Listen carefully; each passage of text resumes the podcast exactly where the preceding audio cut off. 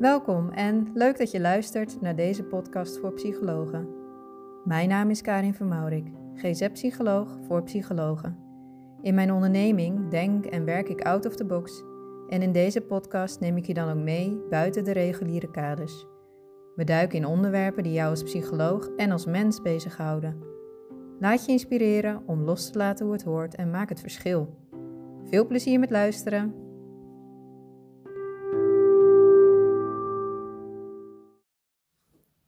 Hey lieve luisteraar, welkom alweer bij de 22e aflevering van de podcast voor psychologen. En voordat de aflevering begint, nog even een update vanuit Voor Psychologen, het moederbedrijf achter de podcast voor psychologen. Want in maart, als de lente zich aandient, gaan er weer jaargroepen van start voor psychologen. En wat kun je nou uh, voorstellen bij een jaargroep? Een jaargroep uh, zegt het al, je gaat een jaar uh, op een reis met een groep gelijkgestemde psychologen onder begeleiding van mij en Iris. En wat gaan we doen in het jaar? Het jaar draait echt om persoonlijke groei. En daarvoor tackelen we eerst hetgene wat je klein houdt, om vervolgens de ontdekkingstocht aan te gaan van, goh, wat is jouw, nu, jouw unieke talent als mens? En hoe kun je dat vertalen naar je werk als psycholoog? Met als einddoel om jouw werk als psycholoog makkelijker te maken, luchtiger te maken, leuker te maken, zodat je dat met gemak vol gaat houden tot en met je pensioen op de manier die bij jou past. Dus spreekt je dat aan? Heb je het gevoel dat iets jou tegenhoudt, iets jou klein houdt, dat jij nog niet helemaal zo uit de verf komt als dat je zou kunnen? Dan is die jaargroep iets voor jou. Uh, meld je dan aan. Meer informatie kun je vinden op www.voorpsychologen.com. Gaan we nu door naar de aflevering. In deze aflevering ga ik in gesprek over een onderwerp wat al heel lang op mijn verlanglijstje stond. Eigenlijk al voordat de podcast geboren was, namelijk hoogsensitiviteit onder psychologen. Een onderwerp wat ik zelf heel interessant vind um, en waar nou ja, wat nog weinig belicht is in mijn, in mijn beleving. Dus ja, de podcast voor psychologen laat graag andere geluiden horen. En daarom heb ik Elodie uitgenodigd. Uh, zij vertelt heel open en vrij over haar eigen hoogsensitiviteit als psycholoog. Heeft een bak aan ervaring en een bak aan kennis. Uh, dat zul je wel horen. En zij is, uh, zij is zo lief om dat met ons te delen. Dus bij deze alvast heel erg bedankt, Elodie. En ga maar lekker luisteren. Welkom, lieve luisteraars, bij deze nieuwe aflevering van de Podcast voor Psychologen. Ik heb een ongelofelijke, leuke, energieke wervelwind uitgenodigd. Zijn haar woorden. Uh, hoe zeg ik jouw naam eigenlijk? Elodie? Elodie? Elodie, ja. Elodie, Hamelink, Varkenvis. Je bent getrouwd? Klopt. Ja, nu een jaar volgens mij, ja. Echt waar, leuk. Hey, en je woont in Leiden? Ja, woont en werkt in Leiden. En uh, ja, het is wel leuk om te vertellen dat, uh, dat jouw assertiviteit, als ik het zo mag noemen, heeft gebracht dat wij nu in gesprek zijn met elkaar. Uh, wij kennen elkaar eigenlijk alleen maar via LinkedIn. En jij had mijn podcast voorbij zien komen. En uh, trok toen al aan mijn jasje van... Hey Karin, ik zou het super tof vinden om, om te gast te mogen zijn.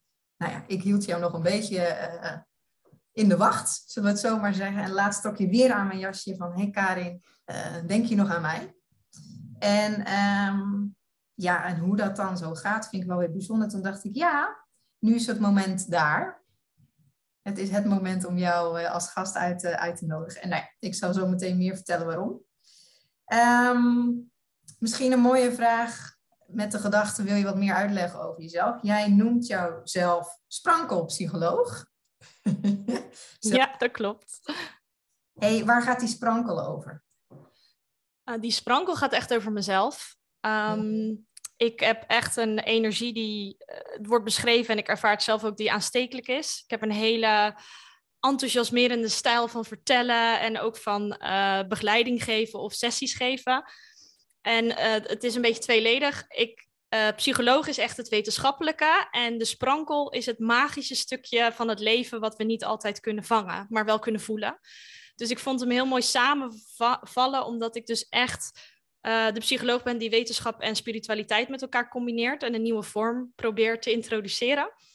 Dus uh, hij was echt voor mij, echt, hij kwam op een gegeven moment en dacht ik, ja, iedereen noemt me altijd zo sprankelend, de sprankelpsycholoog. Hoe leuk zou dat dan zijn om zo uh, ja, door het leven te gaan? en bij deze ga je zo door het leven? Ja, zeker. Hey, wil jij wat vertellen over de route die je hebt afgelegd? Want die is op zich interessant. Zeker. Vertel eens. Um, ik heb, uh, nou om te beginnen, ik heb uh, ontwikkelingspsychologie, dus een de master kind en jeugd aan de Universiteit Leiden gestudeerd.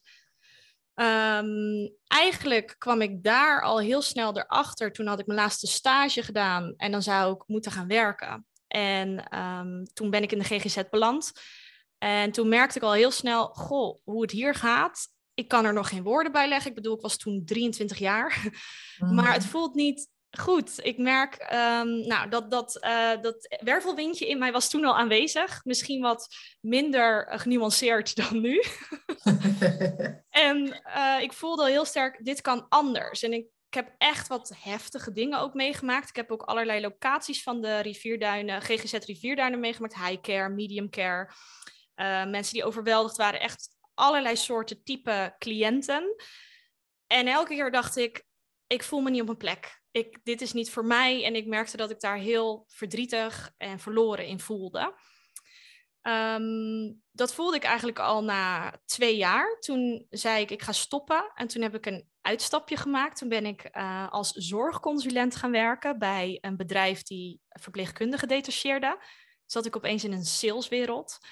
Um, heel anders, ook wel leerzaam, maar op dat moment, die saleswereld, die targets waren hele andere hele andere wereld. Dus er werd heel veel van mij gevraagd. Ik moest overwerken, dat was de norm.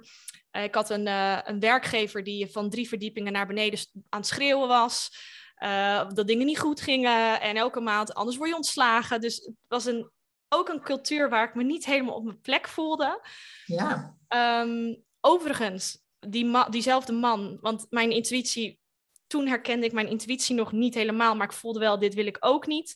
Toen zat ik op een eilandje in Thailand, eerste rondreis. Je weet hoe dat gaat. Psychologen herkennen dat vast wel. Je gaat op reis en dan ga je jezelf weer uitvinden.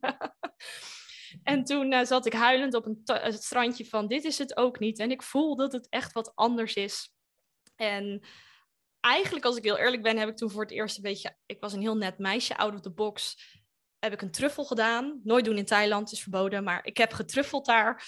En daar kwam een stem tot mij en die zei... Elo, jij moet nu stoppen en, je, en er komt iets op je pad en je mag vertrouwen. En toen heb ik mijn baan opgezegd. Voor het mm. eerst in mijn leven ben ik al mijn zekerheden gaan opzeggen. Doodeng. Ik had net een huis gekocht met mijn partner. Um, mijn ouders, ik, dit is hoe het ging, hè? eventjes heel eerlijk naar mezelf. Ik kwam thuis, ik heb me ziek gemeld. Dat vond ik verschrikkelijk. Ik was nooit de type die zich uh, ziek zou melden. Ik heb twee weken gelogen tegen mijn ouders dat ik uh, nou, dat ik ziek was of dat ik gewoon een vakantie had. Ik wilde niet vertellen dat ik eigenlijk zomaar wilde stoppen met mijn baan en niks anders in gedachten had. Want dat kan toch niet? Je gooit toch niet je oude schoenen weg voordat je nieuwe hebt? Je hebt mhm. net een huis. En precies die angsten kwamen ook. Mijn ouders projecteerden hun angsten op mij. Wat doe je? Wat ga je doen? En die man, die werkgever, echt een, een geweldige man. Uh, ik heb nog leuk contact met hem die zei later, toen vertelde ik hem, dit, is niet mijn plek. En ik vond ook niet prettig bepaalde dingen die zijn gebeurd. En dat zei ik dan. En ik was op een neutrale locatie gaan afspreken. Ik zat met trillende benen. Terwijl, terwijl hij tegenover me zat, dacht ik, ik ga nu vertellen hoe ik me voel. Dat vind ik heel spannend. En toen zei hij, ja, maar ik deed dat alleen maar omdat jij zoveel potentie hebt. Ik pushte jou en dat patroon pushte. Mijn vader pushte me vroeger. Die werkgever mhm. was de spiegel voor mij van... Oké, maar dit is dus niet mijn pad. Dit wil ik niet. Dus uh, hij zei, dat bedoelde ik goed. En, want ik wil meer elodietjes op de wereld. Dus het was een heel mooi gesprek uit, uiteindelijk. Ja. En dat, dat was een van mijn leermomenten van... Oh, ik, dus hoe ik het zie en hoe iemand dus het bedoelt... kunnen twee andere dingen zijn. En ik had niks. Ik had een huis, ik was gestopt met mijn baan. En we hadden een constructie gedaan dat ik de WW in kon.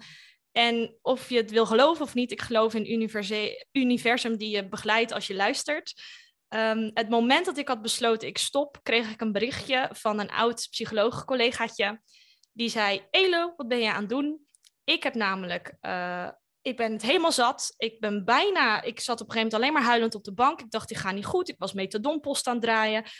Ik deed zoveel tegelijk aan het redden voor iedereen. En dit is het niet, het kan anders. En ik dacht aan jou. En ik dacht, Ah. wat? Ik zeg, oké, dan gaan we afspreken. Nou, met haar hebben we hebben één afspraak gehad. Beide de missie en visie van het kan anders in de GGZ. Of het kan op een andere manier vormgegeven worden. Het maatwerk.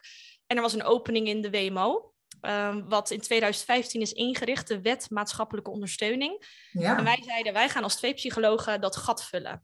Want het kan echt meer menselijke maat. Het kan anders. We willen doorpakken. We willen niet die wachtlijsten.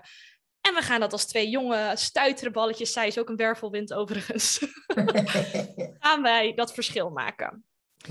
Ehm, nou, toen startten we en toen begon eigenlijk mijn proces. Echt, echt mijn proces over mijn persoonlijke ontwikkeling. Want ik had nooit gedacht ondernemer te worden. Ik had eh, heel veel onzekerheid. Ik was toen 26 toen ik startte. Zij was wat ouder. Zij had al wat meer... Oh, de kat. Zij had al wat meer, ehm, ja, wat meer ervaring. Zo voelde ik dat ook wel. En we gingen die prachtige organisatie opbouwen en ik ging volledig over mijn grenzen continu. Ik, Ja. ik, de missie was, is geweldig, nog steeds. Eh, binnen een half jaar, waar we door ons vijfjarenplan mee hadden we onze eerste werknemers, ons eerste kantoor. Op een gegeven moment, je bent psycholoog van huis uit, maar op een gegeven moment was ik HR, teamleider, manager, eh, eh, ben, je, ben je een bedrijf aan het opzetten met nul kennis, alleen maar een beetje op de Bonnefoy, we gaan het ervaren. Ja. Ehm, ik hou van mijn zekerheden. Dus al dit impulsieve, onverwachte wat op me afkwam, gaf mij heel veel stress. En ik heb, en dat leerde ik ook in die jaren, ik heb eh, hoogsensitiviteit. Ik zeg zelf altijd hoogsensitieve eigenschap. Ik leg later wel uit waarom. Ehm, en ik merkte dat ik heel erg tegen mezelf aanliep. Dus ik had op een gegeven moment voelde ik angsten. ehm, ik voelde paniek. Ik heb één paniekaanval gehad in, in mijn leven die zo heftig was. Ik dacht dat ik dood ging. Ik dacht echt dat ik dood ging. En die heeft heel lang in mijn lichaam nagewand op spanningsniveau. Ehm, maar dat waren allemaal momenten dat ik had te leren van... Je weet al lang wat je voelt en wat je wil, maar je spreekt het niet uit. En je wordt Mhm. boos op de ander, dat die ander dat van jou verwacht, maar jij spreekt niet uit wat je zelf nodig hebt. Dus ik kwam continu, werd ik geconfronteerd met een patroon die ik al kende, blijkbaar al van vroeger, vanuit opvoeding. Eh, van, oh, maar dit doe ik in een patroon en het dient me niet. En de ander spiegelt mij continu met wat ik daarin mag veranderen. Dus ik heb een, een, een roerige tijd met mijn compagnon ook gehad. We hebben, wij zeggen altijd, we zijn elkaars grootste leerles in ons leven geweest. Mm. Zij had, heeft heel veel van mij geleerd in de gevoeligheid. En ik heb heel erg veel van haar geleerd in de lef en de daadkracht. En gewoon maar zeggen wat je vindt zonder erover na te denken. Ik vond dat altijd eh, bijvoorbeeld heel lastig. Ik hou heel, ik houd, ja, ik kan wel zeggen, tegenwoordig tijd, heel veel rekening met andere mensen. Ik kan heel sterk aanvoelen wat er in een ruimte aanwezig is. Ehm, en al die elementen zorgden eigenlijk ervoor dat ik nooit echt ging staan voor wat ik wilde of voelde of iets durfde open te breken, omdat er dan allemaal angsten kwamen. Straks wordt iemand boos, straks, oh, straks kwets ik iemand. En dat ging ik allemaal invullen vanuit eigen belevingen die ik zelf had meegemaakt. Met als resultaat? Ehm, hoe bedoel je? Nou, dat invullen en het zoveel rekeningen houden, dat moet effect hebben op jou. Dus ik ben even benieuwd Oh, wat zeker. op jou Ehm, heeft dat ik, ik heb geen burn-out gehad. Ik heb wel close to gezeten. Ik denk, ik zou zeggen randje. Er is een moment geweest dat ik, nou die paniekaanval was echt, ehm, ik zeg mijn lifesaver uiteindelijk. Dat moment was zo heftig en ik voelde me zo niet meer in contact met mezelf en mijn lichaam. Ik herinner me nog, het was de zoveelste dag dat ik tien uur had gewerkt, niet had gegeten. Ik vergat zelfs, daar ben ik heel eerlijk in. Ik was zo niet in contact met mijn lichaam dat ik niet meer douchte. Soms, dan zei mijn man op een gegeven moment na drie dagen, heb jij nog wel gedoucht? Ik was alleen maar een soort, ja, ik noem dat het wandelend hoofdsyndroom. Alleen maar bezig met wat wordt van mij verwacht? Wat mag ik? Wat moet ik doen? Wat moet ik doen? Mijn vader vindt dit, eh, mijn compagnon vindt dat. Ik moet weer schakelen. En al- elke behoefte ging boven die van mezelf. Iedereen. Ja. En continu het gevoel ook te falen. Want deed ik mezelf, uh, deed ik mezelf gaf ik mijn behoeftevoorkeur, uh, stelde ik de ander teleur. Gaf ik de andere voorkeur, stelde ik mezelf teleur. Dus het was een soort eindeloze faalervaring. Uh en die paniekaanval, zeg ik nu achteraf, dat was heftig. Maar dat was mijn lichaam die zei: Elo, nu is het klaar. Ik ga je nu op zo'n harde manier duidelijk maken wat er aanwezig is. En jij moet nu hier naar kijken. Uh, en ja, daar kreeg ik de uitnodiging om alle spanningen en alle overtuigingen. En ook in positieve zin, alles wat ik in me heb in gaven en talenten, wat ik niet wilde neerzetten, wat ik niet durfde, echt onder ogen te komen. Ja, mooi. Mooi. Ja, ik vind het zo mooi en dat, ehm, dat trok mij ook in toen jij mij benaderde. Jij bent heel open over het feit, over het feit dat jij hoogsensitief bent. Nou, je mag er nuance aangeven. Ja. Um, en mijn ervaring, ik had het er net met jou over, ik, ik kan het niet hard maken, ik heb er geen cijfers voor. Nou zeggen cijfers mij ook niet zoveel, moet ik eerlijk zeggen.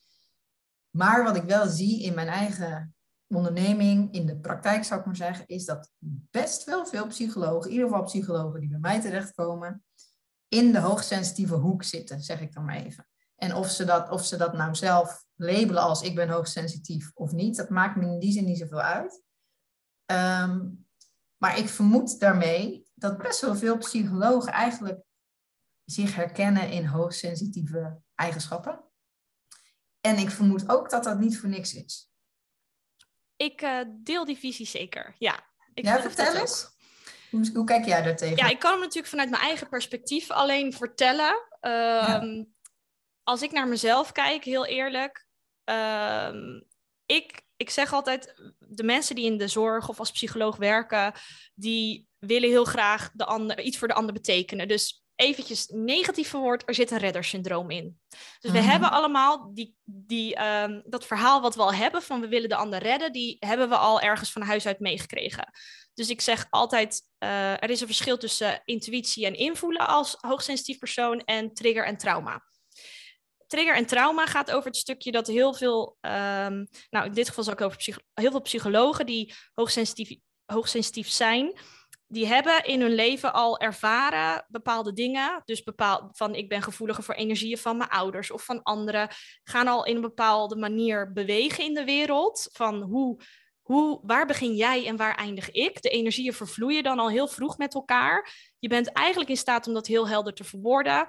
Maar omdat je ook in staat bent als hoogsensitief persoon om de pijn echt letterlijk van de ander te voelen, ga je toch in gedrag soms iets anders doen, omdat je niet wil dat de ander voelt wat jij ook zo goed kan voelen. Dat je het, e-, je kan het doorleven.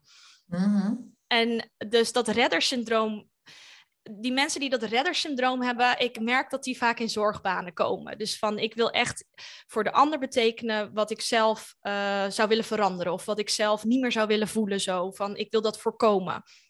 Dus, dus, dus die, dat echt te kunnen inleven, dat is echt een kracht. En het kan een valkuil zijn als je niet echt doorhebt waar, waar dus de energie van de ander zit en die van jezelf. Ja. Dus ik geloof inderdaad echt um, heel veel psychologen die hebben dus dat, dat echt dat talent om in te leven en te zien wat er bij de ander gebeurt. Uh, en dan heb je dus ook nodig, als je echt wil dat dat je kracht is, om ook te begrijpen, maar wat zijn dan de dingen die mij nu raken in het contact? Waar word ik door getriggerd en hoe kan ik dat helder houden voor mezelf? Hoe kan ik niet te veel met mijn energie naar voren bewegen naar ik wil jou helpen, want ik wil niet dat jij dit voelt?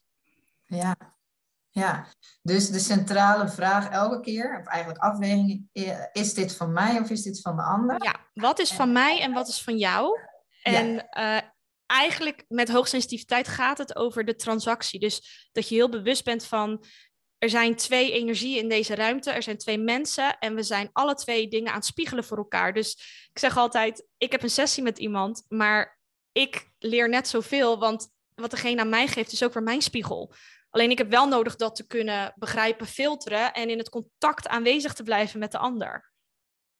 Hey, en kun je dan, ik, ik snap jou, ik volg jou. Ja. En tegelijkertijd kan ik me voorstellen dat sommige luisteraars denken, energieën? Wat moet ja. jij daar dan mee?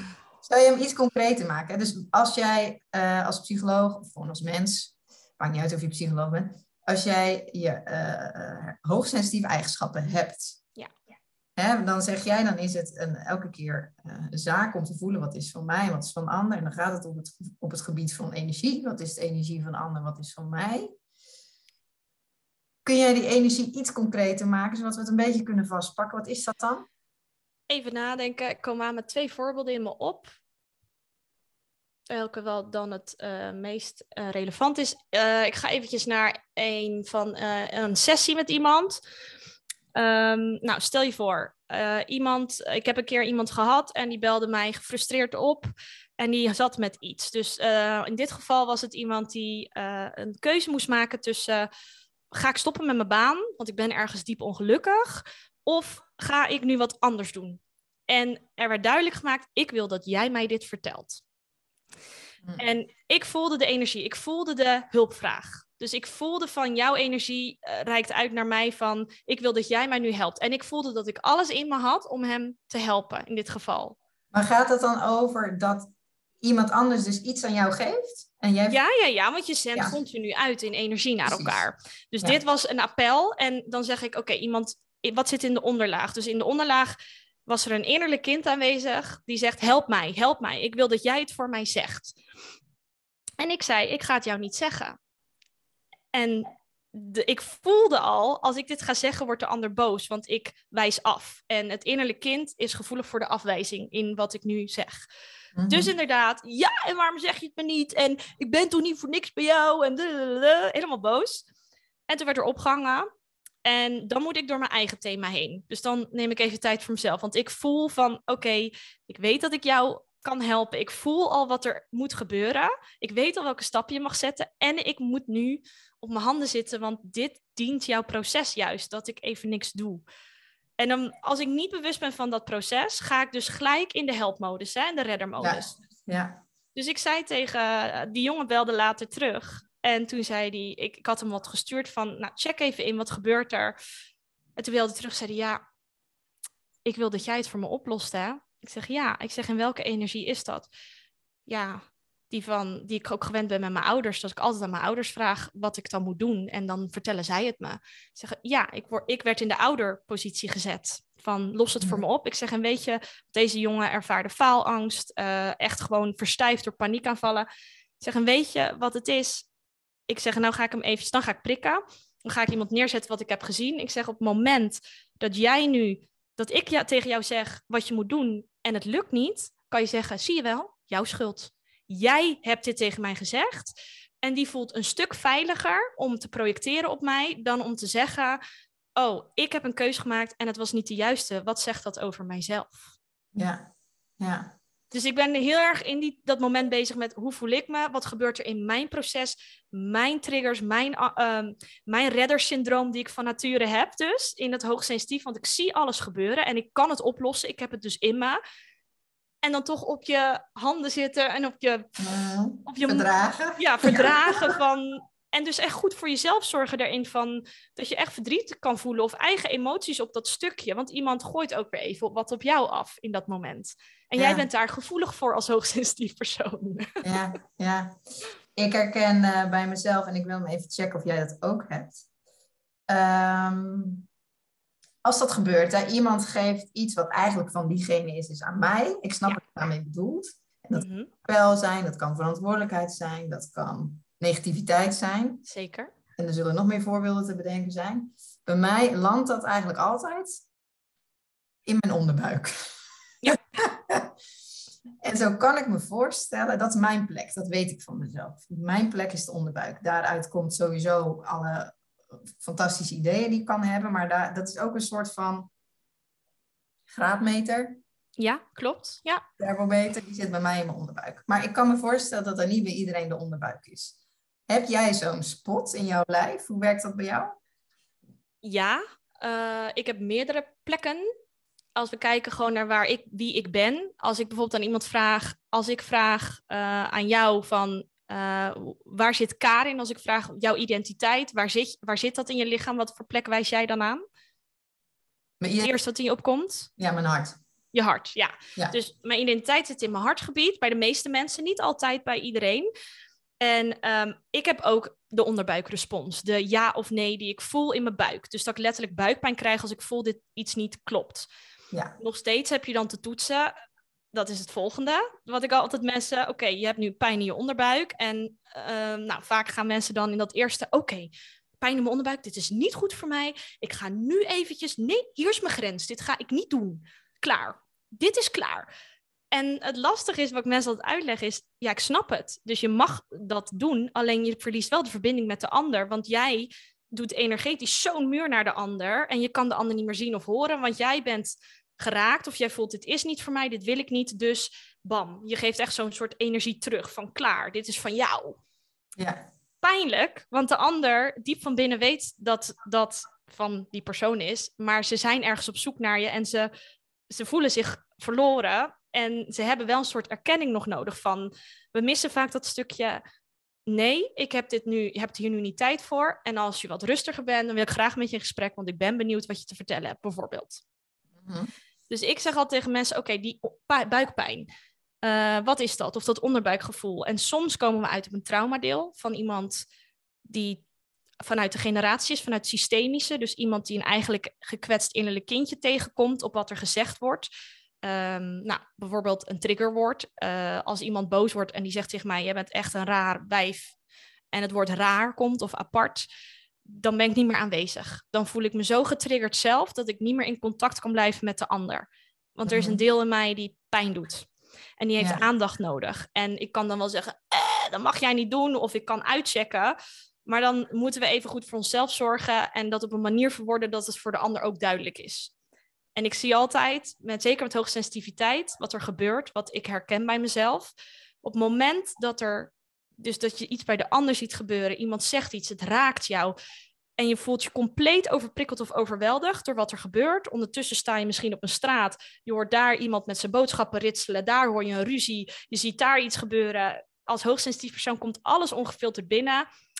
Dan heb je error. En dat check je Mhm. uit. En dan komt je eigen fight, flight, fright of fawn, please mechanisme. En als je, die heb je nodig bewust te maken voor jezelf. En dus die onderbuik, die kan, er zit een kracht en er zit een stukje trauma bij heel veel hoogsensitieve nou, psychologen in dit geval. Van ik ben gewend iets te doen, van hoe ik het moest doen, vanuit me. Ik heb gezorgd heel vaak voor mijn moeder. Ik heb, ik heb, ik heb gebokst tegen mijn vader op voor, voor wat hij zei. Of ik heb geprobeerd mezelf op deze plek neer te zetten, maar ik sta niet echt stabiel. Mhm. Dus jij herkent ook die onderbuik? Ja. Zijn er meer plekken? Want dat is misschien een mooie voor de luisteraar om even te checken bij zichzelf van hoe zit het dan bij jou? Kijk, ik herken onderbuik, jij herkent onderbuik, maar ik kan me voorstellen, misschien zijn er meer plekken, weet ik niet. Ja. Ehm, nou, de, de, de reflectievraag die ik dan zou kunnen geven aan psycholoog op deze podcast is: als ik je nu vraag, waar, als, als je nu even met je ogen dicht gaat zitten, check even in, waar zit jouw energie op dit moment? Dat is de eerste vraag die ik ook altijd stel. 90% zal zeggen in het hoofd. Nou, dan zijn we dus niet echt verbonden met het lichaam. Ja. Ehm, hoogsensitieve personen vinden het heel fijn om met de energie hoog te zitten. En dan heb ik het eigenlijk niet over het hoofd, maar dan gaan we boven, naar boven. Ik werk ook met chakra's, misschien niet voor iedereen bekend, maar we hebben hier boven ons hoofd hebben we een gebied. Daar, daar wordt vanuit de antro antroposofie, als ik het goed zeg, wordt gezegd dat ons ziel of geest ze gebruiken zijn, maar dat ons ziel zit. En als je hoogsensitief bent, krijg je heel veel informatie door intuïtief. En dat komt vanuit je hoogste achtste chakra, dus vanuit je kruin, komt dat naar binnen. En dat is tegelijkertijd de valkuil van hoogsensitieve personen. Je gaat in je energie altijd omhoog. Dus je zal ook heel veel in je energie omhoog zitten, want daar zit allemaal interessante informatie, noem ik altijd. Maar je hebt jouw, jouw levensles is om op deze aarde gegrond te zijn en naar je buikgebied te bewegen, waar jouw eerste chakra zit. Dus jouw basis, jouw veiligheid, jouw gronding. En dat is letterlijk wat jij ook uh, uh, altijd mooi zegt, de connectie tussen hoofd en hart, of in dit geval hoofd en baarmoeder, want dat, dat is jouw kern als uh, persoon, als vrouw in ieder geval, om dat met elkaar te verbinden.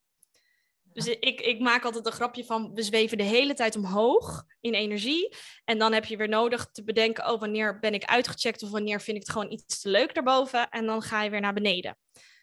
En dan ervaren hoe dat voelt daar beneden. Want ja, uh, dat is uh, het verschil tussen het aardse en het energetische in dat geval. En als hoogsensitief persoon ben je energetisch. Dat is allemaal wat zweveriger, letterlijk zweveriger. Um, dus ja, daar heb je nodig woorden aan te geven voor jezelf. En gronding, gronding, gronding, gronding. Precies, dus soms heb je jezelf een beetje uit die lucht te plukken, als het ware. Letterlijk, ja. We gaan ja. een ballonnetje omhoog. Je kijkt naar alles wat dat mooie wat je ziet. Je krijgt heel veel boodschappen door. Sommigen her herkennen het nog niet, de boodschappen die doorkomen. Dus dan is het helemaal ruis. Dan heb je van boven, heb je om je heen en heb je intern allemaal boodschappen en je kan het niet filteren. Mm -hmm. Dan krijgen we error. En complete error soms. Maar echt gewoon huilen of, of emotie. Ik, ik, ik zeg altijd het ergste wat ik ooit heb gedaan in een periode van stress. Dan was ik zo overweldigd door alles. En het enige wat ik dan kon doen is een soort van schreeuwen uit wanhoop. En dan ging ik heel veel projecteren op iemand. Van ja, maar door jou. En nou, dan werd ik echt boos. En ik wist ergens diep in mijn ziel dat dit is het niet. Maar ik kon daar ook niet bij, want het was allemaal even te, te, te verwarrend en te pijnlijk. En dan had ik echt even nodig alleen weer te herkennen van oké, maar wat is er nu aanwezig? Wat is er nu in mij wat geraakt is of wat, waar ik aandacht aan nodig heb te geven? Ik moet denken aan een uh, hoogsensitief psycholoog die ik heb begeleid. Um, als kapstokje voor het punt wat ik je wil vragen. Ja. Ik heb het gevoel, zij vertelde dit namelijk ook in haar woorden. Ik heb het gevoel dat, dat, dat als, als, je, als, als je dus een beetje opstijgt, als het ware, een beetje in de lucht rond zweeft en eigenlijk ja. nodig hebt om dus weer te landen. Ik heb het gevoel dat die staat van zijn, noem ik het maar even, door de omgeving of het gezin waarin je woont of opgroeit, dan wordt gezien als uh, een beetje raar, een beetje apart. En juist als er dan even zo'n uitbarsting komt omdat het niet lukt om te landen, zeg maar, dat ze dan dat zeggen, ja, maar jij bent ook altijd zo gevoelig, of jij bent ook altijd, je maakt altijd zo ingewikkeld, zeg maar. Ja, exact. Uh, dat dan van daaruit de reactie komt van, oh, blijkbaar ben ik gek en normaal en, en moet ik dus iets in mijzelf veranderen? Of exact. Om te voldoen aan de... Ja. En daarmee de beweging van zichzelf dus afmaken, van zelfafwijzing. Ja, een van de meest... Ja, exact. En, en wat het in mij oproept, is een van mijn meest kwetsbare en pijnlijke leermomenten in het contact toen uh, in de opbouw van mijn bedrijf met mijn compagnon. Uh, we hadden toen net ons eerste, uh, ons eerste team. Dus we gingen onze eerste vergadering houden met werknemers. En ik was zo bang. En ik was niet helemaal ingecheckt in mijn lijf, want dan voelde ik al, daar komt ie. Ik voelde als ik aanwezig ben in mijn lijf, ga ik nu huilen. Mag dat wel? Kan dat wel? Kan ja. toch niet hier? Ik moet zo meteen een presentatie gaan geven. Mm -hmm ik was wel zover dat ik al voelde van, hè, ik wist, ik mag daar ruimte aan geven. Dus ik was even naar boven gelopen, naar mijn kantoor. Ik had mijn man gebeld. Schatje, ik vind het zo spannend. Ik moet zo'n presentatie geven. En, en dus hij hoorde me aan. Hij heeft een stem die mij al tot rust brengt. En hij zei, schatje, dat is toch oké. Je mag het toch spannend vinden. Dit heb je nog nooit gedaan. Dus ik had gehuild. Ik had mezelf daarna, ik, ik voelde de ontlading. En toen dacht ik, ik ben klaar. We gaan ervoor. Ik loop naar beneden en mijn compagnon ziet mij wat is aan de hand? Ik zeg, nou, ik was gewoon eventjes, uh, ja, eventjes, uh, ik vond het heel moeilijk te verwoorden aan haar hoe dat voor mij werkt. Want wij leerden van elkaar, zij had heel erg nog die, kom op zeg, niet zeiken doorgaan, had zij als uh, spiegel voor mij. En ik had haar, ga eens verzachten, spiegel. Dus zij zei van, ze zei letterlijk tegen mij, ga je nou, als je gaat zitten janken, ga je maar lekker weg hoor, doe ik het wel zelf. Ik was helemaal oh, en, en ik checkte uit. Ik checkte letterlijk uit. Dus ik stond daar een beetje zo te zweven, zeg maar. En zij komt op me af en ze zegt, wat zit je nou te doen? En hup, kom op, kom op. En dus ze bleef mij maar pushen. En ik bewoog ook energetisch. Dus je ziet twee poppetjes, zij staat voor me. Ik nam telkens een stap naar achteren en ik zei, laat me even. Laat me even. Het lukte even niet. Laat me even. Ik bleef het verwoorden, want ik voelde ook, er zit nu zoveel. Ik kan dit niet naar, ik ga het verkeerd projecteren. Ik ga het projecteren. Ik voel dat. En toen ging het mis, want zij had geleerd, daar kwamen we ook later in hele mooie gesprekken achter, van zij had van haar uit haar opvoeding geleerd, oké, weet je, gewoon iemand even door elkaar schudden, hup, klap, klap, ga. Dat was mijn ultieme trigger. Dus zij kwam, stapt op me af, zij pakt me bij mijn schouders en begint me te schudden. En nou moet je even normaal doen. Ik ben gaan schreeuwen. Wat denk je wel niet dat je doet? Ik ging, ja, ik flipte. Ik flipte. Ik flipte compleet uit, omdat iemand, nadat ik zo erg probeerde mijn grenzen aan te geven, compleet over mijn grenzen ging. En me daarna veroordeelde op mijn heftige gedrag. Dus ik, ik, oh, ik voelde me toen zo uh, pijnlijk. Ik heb me herpakt. Ik heb een prachtige presentatie gegeven, want ja, ik had dat te doen. Dat ging heel goed. En dat zorgde daarna voor heel veel leermomenten en frictie ook wel een tijdje tussen mij en mijn toenmalige compagnon. Maar uiteindelijk hebben we daar super mooi gesprek over, over gehad en kwamen er ook achter, wij hebben een andere opvoeding genoten. Wij, um, in principe hebben we dezelfde dingen, alleen jij gaat er op een andere manier mee om dan ik. En dat is precies zo'n voorbeeld van iemand is letterlijk dan even getriggerd. En dan heb je dus en nodig te kunnen verwoorden, het lukte even niet. Daar senang mee te zijn, dat dat zo is. En dat iemand je die ruimte geeft. En dat is best wel ingewikkeld op zijn tijd, in de maatschappij in ieder geval ook waar we nu in leven. Ja, precies. Hey, ik vertaal het even altijd in mijn woorden, Jip Janneke. Ja. Dus met zo'n projectie bedoel je dan zo'n moment van uitbarsting. Wah, wah, wah, ja, ja, projecteren betekent feitelijk, jij bent jouw shit op de ander aan het gooien. Ja. Uh, je bent aan het afweren omdat je eigenlijk bang bent dat iemand te dichtbij komt en jou nog meer kwetst. Dus je gaat je muurtje opzetten. Maar feitelijk, alles wat jij op dat moment voelt, dus iemand kan zo naar tegen je zijn als jij uh, het is een spiegel voor wat jij nodig nog hebt te leren. Dat is de eerste. En de tweede is elke emotie. Niemand is verantwoordelijk voor de emoties die jij voelt die is heel pijnlijk, maar dat betekent dat jij nog ergens aandacht hebt te geven aan jezelf. Want het zou niet moeten zijn dat iemand die tegen mij zegt: Doe eens even normaal. Dat ik zo uit mijn vel spring en het gevoel heb dat ik moet gaan schreeuwen om mezelf te verdedigen. Die, nou, die kan ik me voor, nou kan ik me voorstellen, bij jou kan ik me ergens voorstellen dat er inderdaad een tirade uitkomt. Bij mij wel, ja. Maar ik heb wat voorbeelden in mijn hoofd dat ik denk, ik kan me voorstellen dat er een rivier van tranen uitkomt, maar dat er juist één woord uitkomt. Ja, die is er ook. Ehm, dus dat, dat ligt aan je kindmodus, om het maar even zo te zeggen. Ehm, soms zijn mensen dan zo getriggerd dat ze uitchecken. Dus dan word je stil, dan check je uit en dan gaan we eventjes, nou, um, ja, hoe leg je dat uit? Dan gaan we eventjes, willen we hier niet meer aanwezig zijn, dus we gaan verder in de energie omhoog, dan zijn we gewoon echt niet meer aanwezig. Ja. Um, dat is een beschermingsmechanisme, maar dat betekent dus ook dat je niet meer in contact bent met alles wat je voelt en je zit heel erg in je slachtofferrol. Dus dit wordt mij aangedaan. Waarom doet iemand zo naar tegen mij? Waarom overkomt mij dit? Dan komen die vragen op. En dan zitten we in een andere dynamiek, omdat we dan heel erg um, zitten in de ik wil zo graag dat iemand gewoon mij accepteert voor wie ik ben. Um, nou, en ik vecht erom blijkbaar. En de ander die gaat in de, ja, in de passieve modus van ik hoop dat iemand uiteindelijk weer mij gaat accepteren of ik ga nog harder werken, maar ik zeg er niet zoveel meer over. Dus we hebben allemaal copingsmechanismen op die pijnen eigenlijk. Ja, precies. En de een heeft dus de, de, de, dus de gekwetste kindmodus. De een heeft de boze pubermodus. Die gaat er lekker tegenaan schoppen en terugschoppen van... Uh, um, uit het transactionele kader wordt dan gezegd van... Als je twee mensen hebt en de een zegt... Ik ben oké. en de ander zegt ik ben niet oké.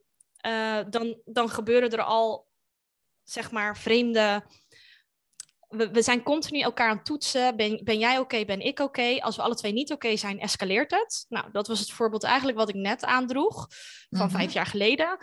Um, als iemand niet oké is, eh, of als jij niet oké bent en de ander is oké, dan ga je in slachtofferpositie. Ik ben hulpeloos en waarom zie jij dit niet en waarom help jij mij niet?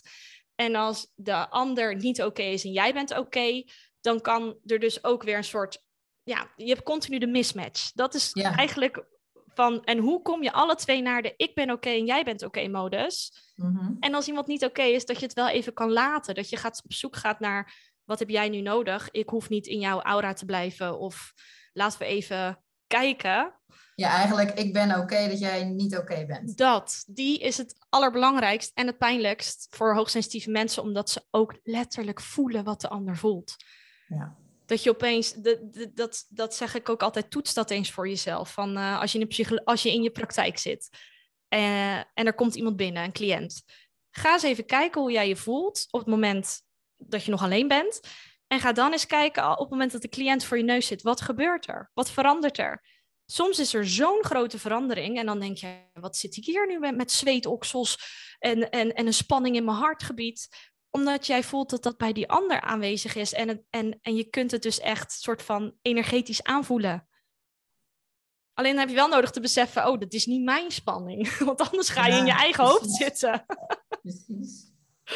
Maar als dat je lukt, dan hoor ik hier een enorme kracht. Ja, dat dan, als je dit, dit neelt, zeg maar, ja, daarom kan ik ook zo enthousiast erover delen. En ook over mijn uh, misschien gedragspatronen die ik vroeger heb gehad, die niet zo functioneel waren.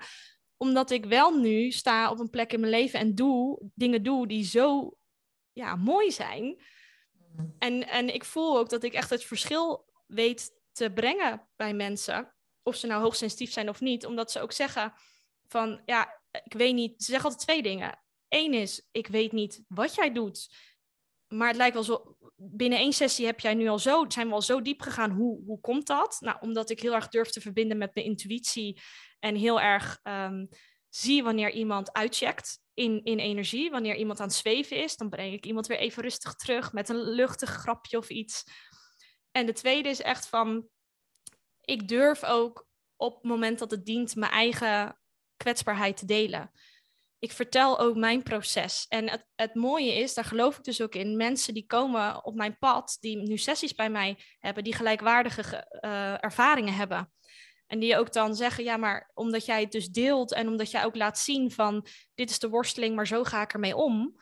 Mm hoe, hoe, is dat voor jou? Dat, ja, dat maakt een heel, het is een gelijkwaardig gesprek. En, en ik, ik, zie, ik zeg ook, ik zie jou en ik, um, ik nodig iemand uit om uiteindelijk de authentieke versie van jezelf te worden. Ja, mooi. Ja. Vertelde jij al iets en volgens mij, corrigeer me als ik mis zit, maar volgens mij zitten we dan in dat gebied wat een beetje boven je hoofd zit. Klopt, klopt. Jij noemde dat uh, waar je ziel zit en daar hangt ook ja. een chakra naam bij. Ja, de, nou ja, hij bestaat niet officieel vanuit, nou, ja, ik heb hem laatst met mijn spiritual teacher besproken, maar het is het achtste chakra. Dat is echt het gebied waar, waar je, van waar je al je ideeën en ingevingen krijgt. Ja, precies. Soms heb je zeven chakras, soms acht. Klopt. ja, maar, uh, wat wou ik vragen? Oh ja, jij vertelde mij in het voorgesprek iets over, goh, maar het kan wel per hoogsensitief persoon verschillen op welk zintuig jij dan voornamelijk corrigeer me als ik verkeerd zeg, hè, maar op welk zintuig jij dan voornamelijk die sensitiviteit hebt. Ja, ja. Want ik... Ja, vertel, waar, waar, waar, moet ik aan denken? Nou, ik, weet je, toen ik als hoogsensitief persoon ging omarmen en eindelijk eerst natuurlijk, ik ga erkennen dat ik dat heb. Nou, lekker dan, want dit, dit is nou niet echt fijn. Dus ik zat eerst in die, het is echt een last. En daarna werd ik weer, er komt mijn nieuwsgierige, assertieve persoontje om de hoek van, ja, maar oké, bijna overal lees ik uh, geen filter, gevoelig voor alles. Nou, ik weet niet als er één ding is wat ons innerlijk kindje verschrikkelijk vindt, is als we blijkbaar nergens controle over hebben en gevoelig zijn voor alles en maar overweldigd worden de hele dag. Die zit heel erg op het niet willen. Uh, dus ik dacht, er moet verschil zijn. Laat ik dat dan, maar ik ben mijn eigen proefpersoon, uh, ervaren. Dus ik had wat opleiding, cursus gedaan en op een gegeven moment merkte ik, hey, er zit wel degelijk verschil. De eerste waarheid die we mogen gaan veranderen is dat je niet hoogsensitief bent voor alles. Want dat is gewoon compleet machteloos gevoel. Mhm. Dus ik leer mensen dan, uh, jij hebt de manier waarop de informatie tot jou komt, is via de zintuigen. Dus iedereen heeft zijn zintuigen. Het is niet dat jij geen ogen hebt en ik alleen oren, maar we hebben wel dat je een voorkeur hebt voor hoe, welke informatie jij liever tot je neemt. Dus dan heb ik een testje en dan op een gegeven moment, uh, bijvoorbeeld kwam er bij iemand uit, heel hoog scoorde op auditief, dus het horen. Nee hoor, nee, nee, ik heb echt wel dat ik gevoelig voor alles ben. Oké, nou laten we maar eens gaan kijken. Ik ga je de volgende oefeningen meegeven op het auditieve, op het horen. En twee weken later, nou, echt, je hebt gelijk. Ik zat laatst weer helemaal spanning in mijn lijf. En toen deed ik die oefening die jij zei. En toen was het dus dat ik verderop buiten hoorde ik een autocrash. En daar was ik helemaal van geschrokken. Het was echt een heel klein geluid die zij opving, omdat haar auditieve voorkeurssysteem haar, haar modus is. Mhm. En toen zei ze, dat was zo fijn, want ik zat weer voor mijn computer. Waarom heb ik nou weer spanning? En dat hoofd ging lekker allemaal verhalen maken. Dus ik liet haar even stilzitten. Wat gebeurt er in je omgeving? Wat ervaar je misschien als onveilig zelfs? Nou, dat was dus die, dat enge autogeluid. Daar had ze een rilling van in haar lijf en dat maakt haar in de war. En toen zijn we dat gaan specificeren. En uiteindelijk kwam ze er echt achter. Het zit bij mij in, als ik in drukke ruimtes ben en ik hoor al dat groezemoes, check ik uit. Te veel. Ja. Ehm, ik heb dat niet. Ik zet bijvoorbeeld, ik ben erachter gekomen dat ik visueel ben. Dus ik, heb, ik schrijf met woorden en nou ja, met mijn taal ben ik heel erg, ik ben heel beeldend. Dat zie je in mijn energie. Ik gebruik mijn handen zoals jij kunt zien hier. Mhm. Ehm, dus ik ben heel visueel, dus ik gebruik weer een ander, ander voorkeurssysteem. En ik kan in een ruimte hebben, ik ben nooit overprikkeld van het geluid, maar ik ben wel overprikkeld omdat ik dan binnenloop in een verjaardag en dan denk ik, Oh, die zie ik daar kijken. Die heeft alweer ruzie met die. Die zie ik daarover praten. Oh, die trekt zo'n gezicht. Daar is wat aan de hand. Ik zie alles. Maar echt alles. Micro-expressies van emoties. En dan denk ik, oh, moet ik hier allemaal wat mee? Dat is dan het eerste wat er gebeurt. En dan wil ik ook gewoon uitchecken. En natuurlijk even simpel op de ogen gericht, op het visuele. Wat kan je doen als je overweldigd wordt door het visuele? Doe ze dicht doe ze dicht. Ja, dus mijn manier ook om tot mezelf te komen is heel vaak even. ik moet echt even mijn ogen sluiten. Er komt te veel binnen. Ik zie het allemaal. En ik, ik, als het nog langer doorgaat, heb ik error. En dan gaan de emoties wat heftiger zich tentoonstellen, zeg maar. Ja, ja, ja. Mm. Dus ja, het is super leuk om dat te gaan ontdekken voor jezelf. Van zie het nou eens als een ontdekkingsreis. Hoe werkt het voor mij? Want wat voor mij werkt, hoeft niet voor jou te werken en andersom. Hey, en dan heb je dus auditief, visueel. Zijn er nog meer opties? Ja, uh, auditief, visueel, kinesthetisch is op het voelen. Dus echt, ja, uh, het, het echt, uh, dat was mijn tweede hoogste systeem. Dus dat je dingen aanvoelt, sferen, dat je naar ruimte binnenloopt en dan voelt in jouw onderbuik er is iets aan de hand. Dus dan mm. komen de signalen in je lichaam binnen. Dus dan voel je lichamelijke klachten of spanningen en die zijn symbool voor wat er in de ruimte aanwezig is. Ja. En dan hebben we nog um, auditief digitaal. Dat is je denken. Eigenlijk is dat niet de, het voorkeurssysteem wat hoogsensitief personen hebben, maar dat is uh, dat je dus uh, eigenlijk houdt, dat is meer mensen die in het kader van autisme vallen, je houdt heel erg van structuur. Dus het hmm. moet zo en zo en zo en zo. Het is je soort archiefkast in je hoofd. En als mensen binnenkomen en die scoren daar hoog op, betekent meer dat ze, zeker als ze hoogsensitief zijn, te veel in hun hoofd zitten. En dan moet ik weer even ze helpen naar beneden bewegen, naar de zintuigen. Want mhm. eh, denk, of, horen, voelen, proeven, ruiken ehm, en zien. Mis ik er nou één? Nee. Die. Dat zijn je zintuigen. Daar komt dus informatie door. En denken is eigenlijk een construct die vanaf je zevende jaar ontstaat. En daar zitten al die overtuigingen en die verhalen. En waar we soms te veel in leven. Ja, ik zit ook nog te denken, ik weet niet of dat ook een, een, een eh, modus is, zeg maar, maar het, uh, de tast, zeg maar. Ja, dat is dus ook kinesthetisch. Dus ah. um, uh, mensen die kinesthetisch systeem hebben, vinden het heel fijn om, met aanraking. Of die zullen echt bijvoorbeeld bepaalde kleding die goed voelt, zullen ze kopen. Dan checken ze niet de kleur, maar dan checken ze, oh, het voelt lekker. En je hebt het dus allemaal, ieder mens heeft dit. En zeker als je dus, nou ja, je hebt dus een gevoeligheid op dat alles, maar er is eentje die er bovenuit steekt en daar help ik mensen bewust van maken.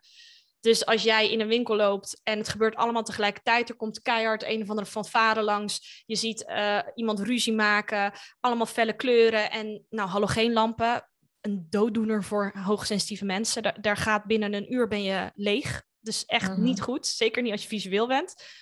Dan raak je gewoon compleet overprikkeld. En dan heb je echt nodig van ja, een soort handleiding voor jezelf te maken. Als dit gebeurt of als dit aanwezig is, dan heb ik dit voor mezelf te doen.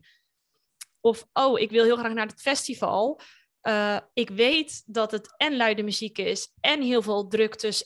Dus dat ik echt allemaal plakkende lijven tegen me aan heb. En uh, dat er heel veel lichtflitsen zijn. Lichtflitsen waren voor mij dan het lastigst. Dus ik weet dat ik morgen helemaal kapot ben ga ik dat aannemen en ga ik dan goed voor mezelf zorgen die dag erna? Ga ik dat uh, inkapselen of ga ik niet? Je hebt altijd een keus, maar wees wel bewust van waarom je die keus maakt. En dan om, om tijdens zo'n festival een error te voorkomen, helpt het voor jou dus af en toe om letterlijk je ogen dicht te doen. Ja, of ehm, ik, had, ik heb bijvoorbeeld ehm, ook iets van hoogsensitiviteit, ligt wel aan je introverte en extraverte eigenschappen.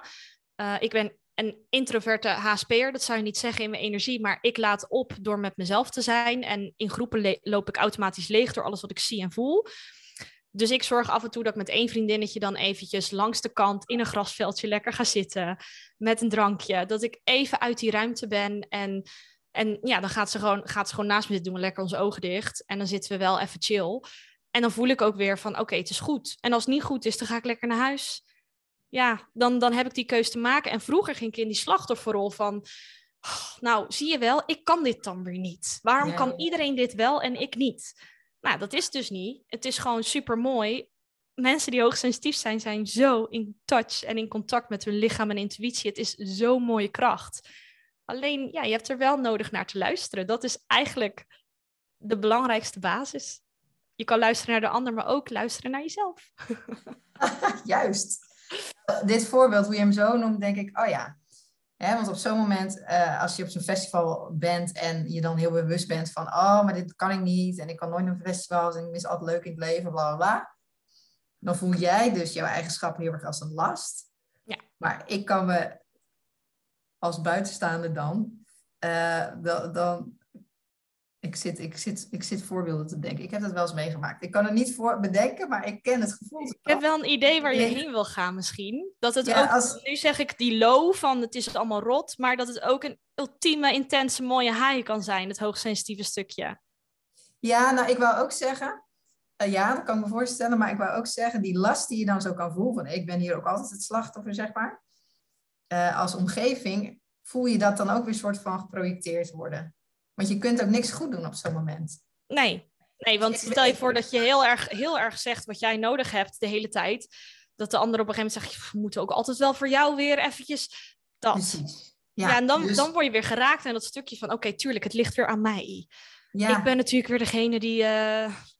Of dat je het ook terugkrijgt, hè? Ja, ik kan me dan voorstellen dat ik dan zou denken als vriendengroep misschien... God, nou, de volgende festival uh, zou ik niet erg vinden als je niet meeging, zeg maar dat, dat zou kunnen gebeuren. En daar komt dat eenzame stukje. Van echt dat verdriet van ik kies voor mezelf en ik word nu afgewezen of ik word niet meer meegevraagd. En dan versterkt dat dat hele idee dat er iets mis met je is. En dat is heel pijnlijk, want het is niet zo.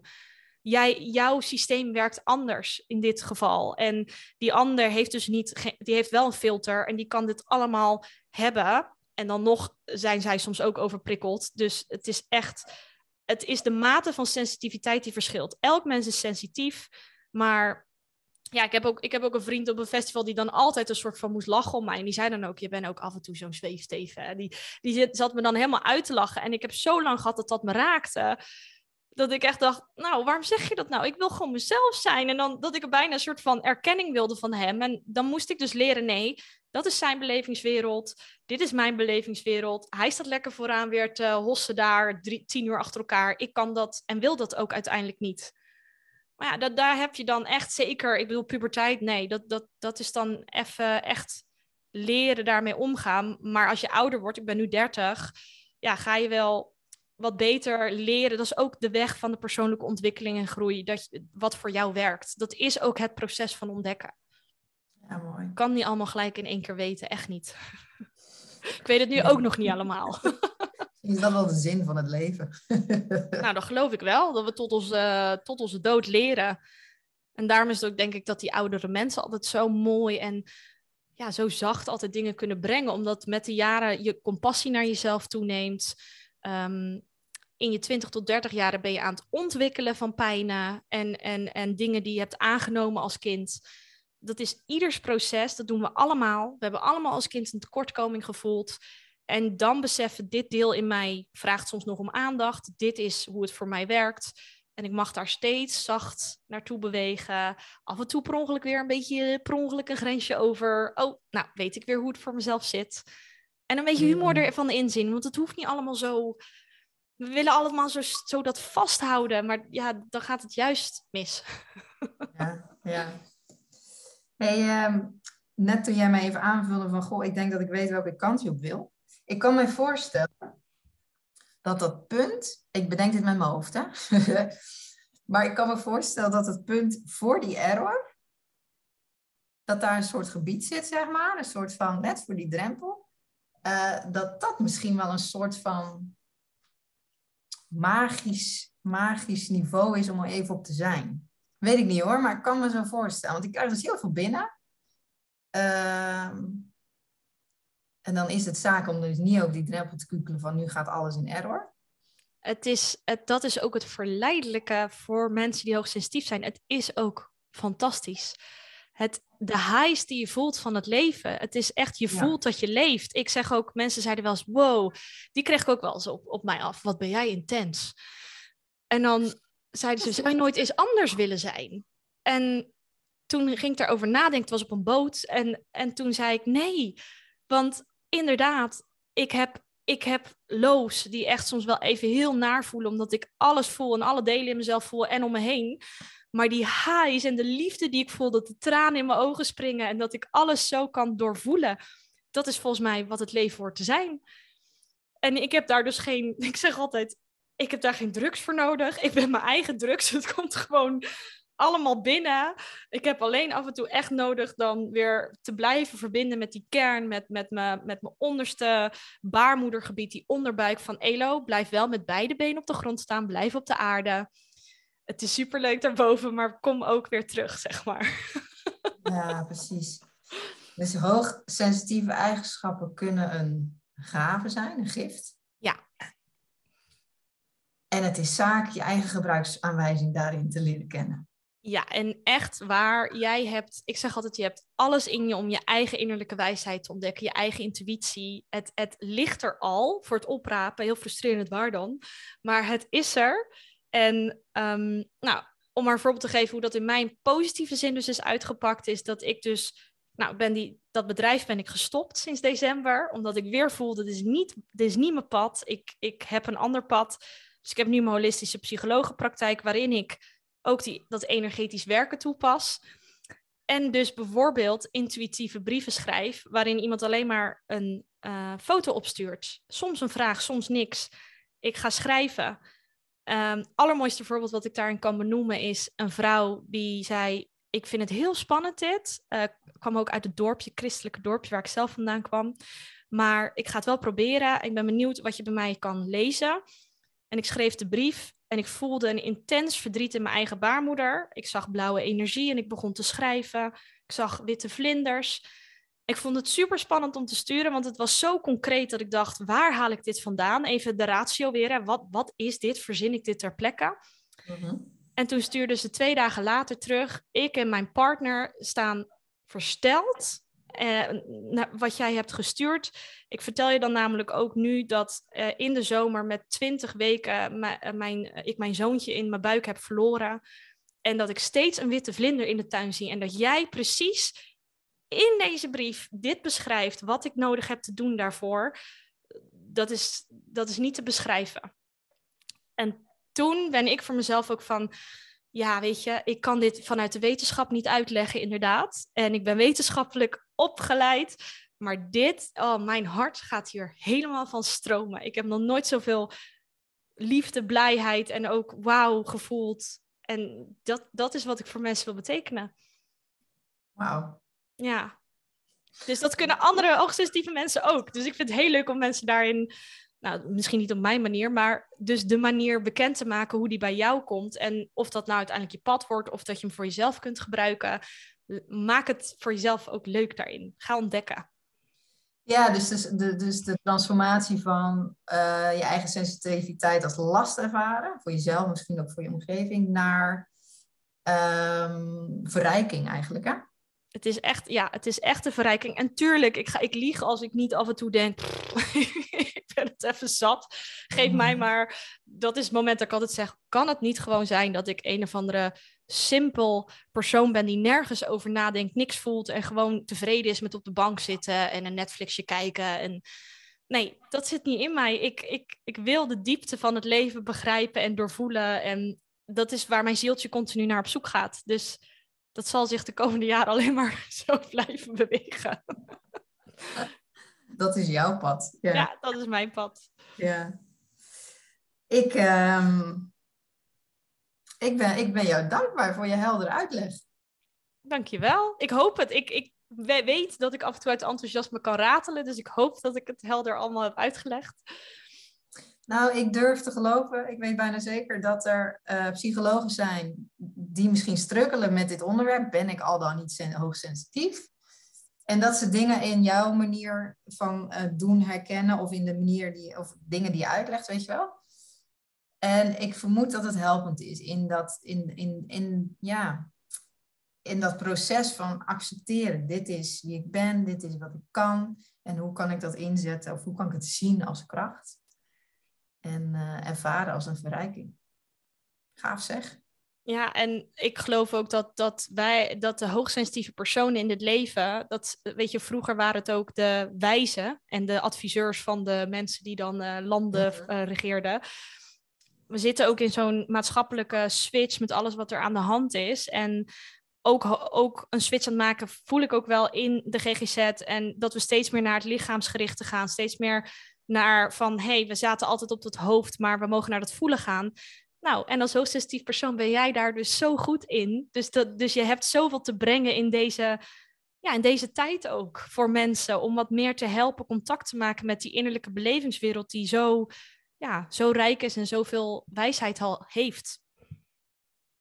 Ik denk dat is een mooie uitnodiging om, uh, als je het herkent, hè, misschien als luisteraar denk je, oh, ik zit in de hoogsensitieve hoek. En ik... om dus um, woorden te gaan geven. Exact. Het niet voor jezelf te houden, maar te gaan delen. En, uh, ja, en het mag ook gewoon in, eerst in klaagzang van ik, ik loop hier tegenaan en dit en dat, dat mag er zijn. En dan oké, en wat heb ik dan nu nodig voor mezelf? Of hoe wil ik dat verder onderzoeken? Dan weer het nieuwsgierige element naar boven brengen. Want het zal een er, zullen worstelingsperioden komen, omdat die gevoeligheid er is. Dat, dat is er. Maar je hebt alles in je om dat aan te kunnen. En als je die voelt, die, die innerlijke kracht van oké, I got this. Ik zeg ook altijd op mijn Instagram, you got this. Wat er ook op je pad komt, you got this. Dan voelt het ook dus niet meer zo zwaar. Die zwaarte mag eraf. Er mag wat meer luchtigheid in. Ja, en de twijfel, ben ik dan wel geschikt als psycholoog? Want ik loop vast in deze omgeving, die hoor ik heel vaak. Ja. Uh, bij deze overboord, want uh, je hebt juist iets te doen in het vak als psycholoog. Zeker. En zolang jij blijft oefenen met wat werkt voor mij, uh, dan word je ook de spiegel voor de ander van, oh, dit is hoe ik dingen oppak. Dan wordt de ander weer nieuwsgierig naar jou en dan ga je vanuit die gelijkwaardige positie iemand helpen. En dat is super gaaf. Dus ik zeg altijd, de beste psycholoog, zeg ik altijd, is degene die ook zijn eigen inner work en inner shit durft aan te kijken. En ook echt nieuwsgierig blijft van, maar wat is het dan in mij wat er gebeurt? En dan kan je inderdaad in verbinding met elkaar zijn. Want je hebt nodig dat de een en de ander zelfbewust is. Nou, vaak is je cliënt iets minder zelfbewust, maar dat je in ieder geval zelf zelfbewust bent van hoe kunnen we die verbinding creëren dat jij uiteindelijk wegloopt en ook het gevoel hebt van ik heb regie en ik kan mijn eigen keuzes maken. Prachtig. Volgens mij is de cirkel rond, voor mijn gevoel. Mooi. Ja, volgens mij ook. voor jou ook? Ja. Love it. Hey, nogmaals, ik wil je hartelijk bedanken. Ik kan mij zomaar voorstellen dat er iemand luistert die denkt... Oh, wacht eens even, hier raakt hij wel iets in mij. Um, weet als luisteraars dat je mij altijd even een berichtje mag sturen in je Instagram... of mag mailen op karin.voorpsychologen.com. Elodie is uh, actief op LinkedIn, Instagram en wat is jouw mailadres? Uh, Elodie met een Y, apenstaartje selfsense.nl. Ik zet het ook even in de show notes. Maar verschillende manieren om jou te bereiken. Zeker. Bij deze is ook de uitnodiging. Hè? Geef er woorden aan. En misschien is de eerste stap om een berichtje te sturen naar mij of naar jou. Uh, ik denk dat het een mooie is voor, uh, voor het proces waar de luisteraars in zitten. Ja, dus ook echt beseffen dat je echt zelf ook af en toe om ondersteuning mag vragen ik heb ook vaak genoeg zelf besloten bewust op de cliëntenstoel te gaan zitten om weer wat te ontdekken van mezelf, wat ik dan uiteindelijk weer kon meenemen in het contact met mijn cliënten. Dat, dat is zo waardevol en die hebben we al toevallig hiervoor besproken, dat je soms denkt, ja, maar ik ben psycholoog, dus ik hoor toch allemaal wel te weten. Mhm. Die ken ik als geen ander. En nee, dat is echt niet waar. Je bent continu aan het ontwikkelen. En in jouw bewuste gedrag ben je de spiegel en breng je al zoveel energetische beweging voor de ander. Dus dat is echt heel mooi. Dankjewel. Luisteraars, uh, ik, nou nogmaals, ik ben heel benieuwd hoe dit bij je aankomt. Laat het ons weten en uh, voor nu een hele fijne dag. Hoi hoi. Doei doei.